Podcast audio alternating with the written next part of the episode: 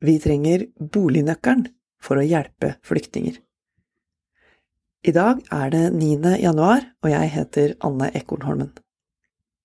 Flyktningene kan være en stor ressurs for lokalsamfunn i mange distriktskommuner. Under flyktningkrisa i 2015 råda det paniske tilstander blant politikere og i debattene.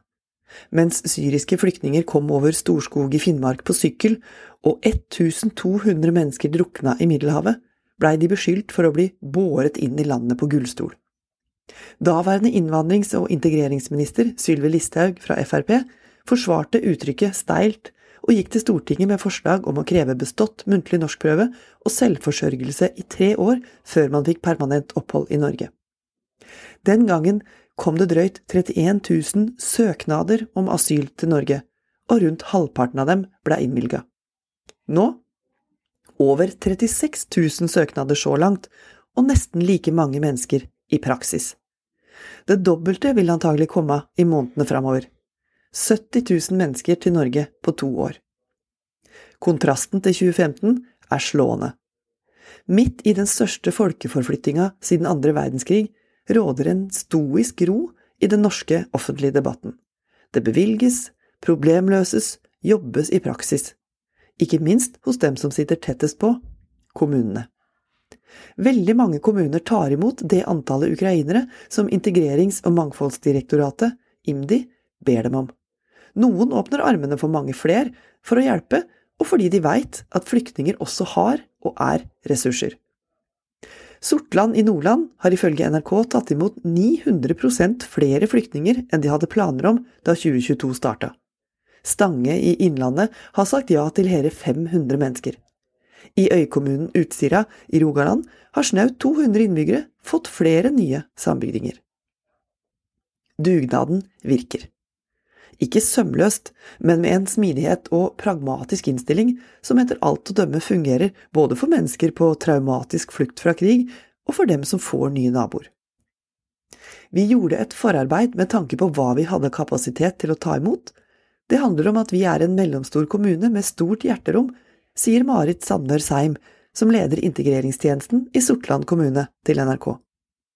Og her ligger noe av nøkkelen – forarbeidet.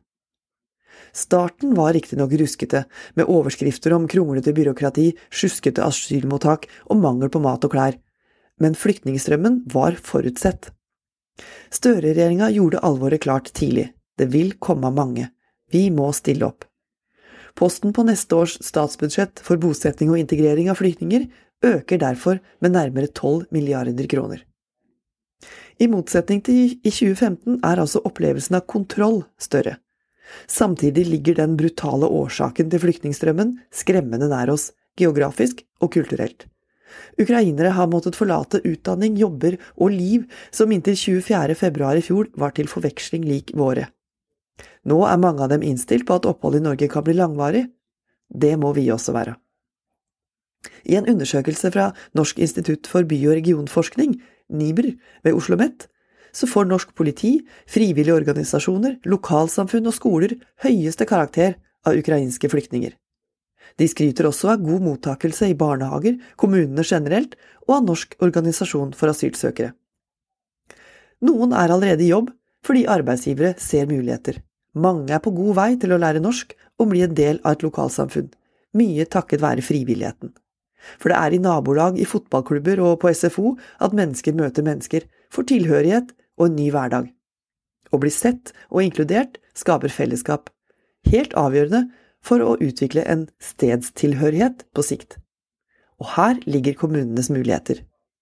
Uten netto innflytting fra andre land, så faller folketallet i distriktene raskt. Arbeidskraft og barnefamilier er ettertrakta og velkomne i distriktene, men ikke alltid lett å holde på. Derfor er kommunene stadig mer bevisst. Egne integreringsansvarlige, stor dugnadsinnsats og et oppegående, utadvendt kultur- og fritidstilbud gjør at flyktninger er blitt mer bofaste de siste fem til ti åra. Ikke alle tas av sentraliseringstrenden og flytter videre til en større by. Selvfølgelig er tilgang på jobb og bolig helt avgjørende, sammen med gode oppvekstvilkår for unger. Samt at andre flyktninger er bosatt der fra før. Det viste rapporten Derfor blir vi her, som Iniber utarbeida i 2012 på oppdrag fra IMDi og Distriktssenteret. Og derfor må regjeringa lytte når kommunene roper varsko om mangelen på hus og det dårlig fungerende boligmarkedet i distriktene. Vi kjenner det fra før.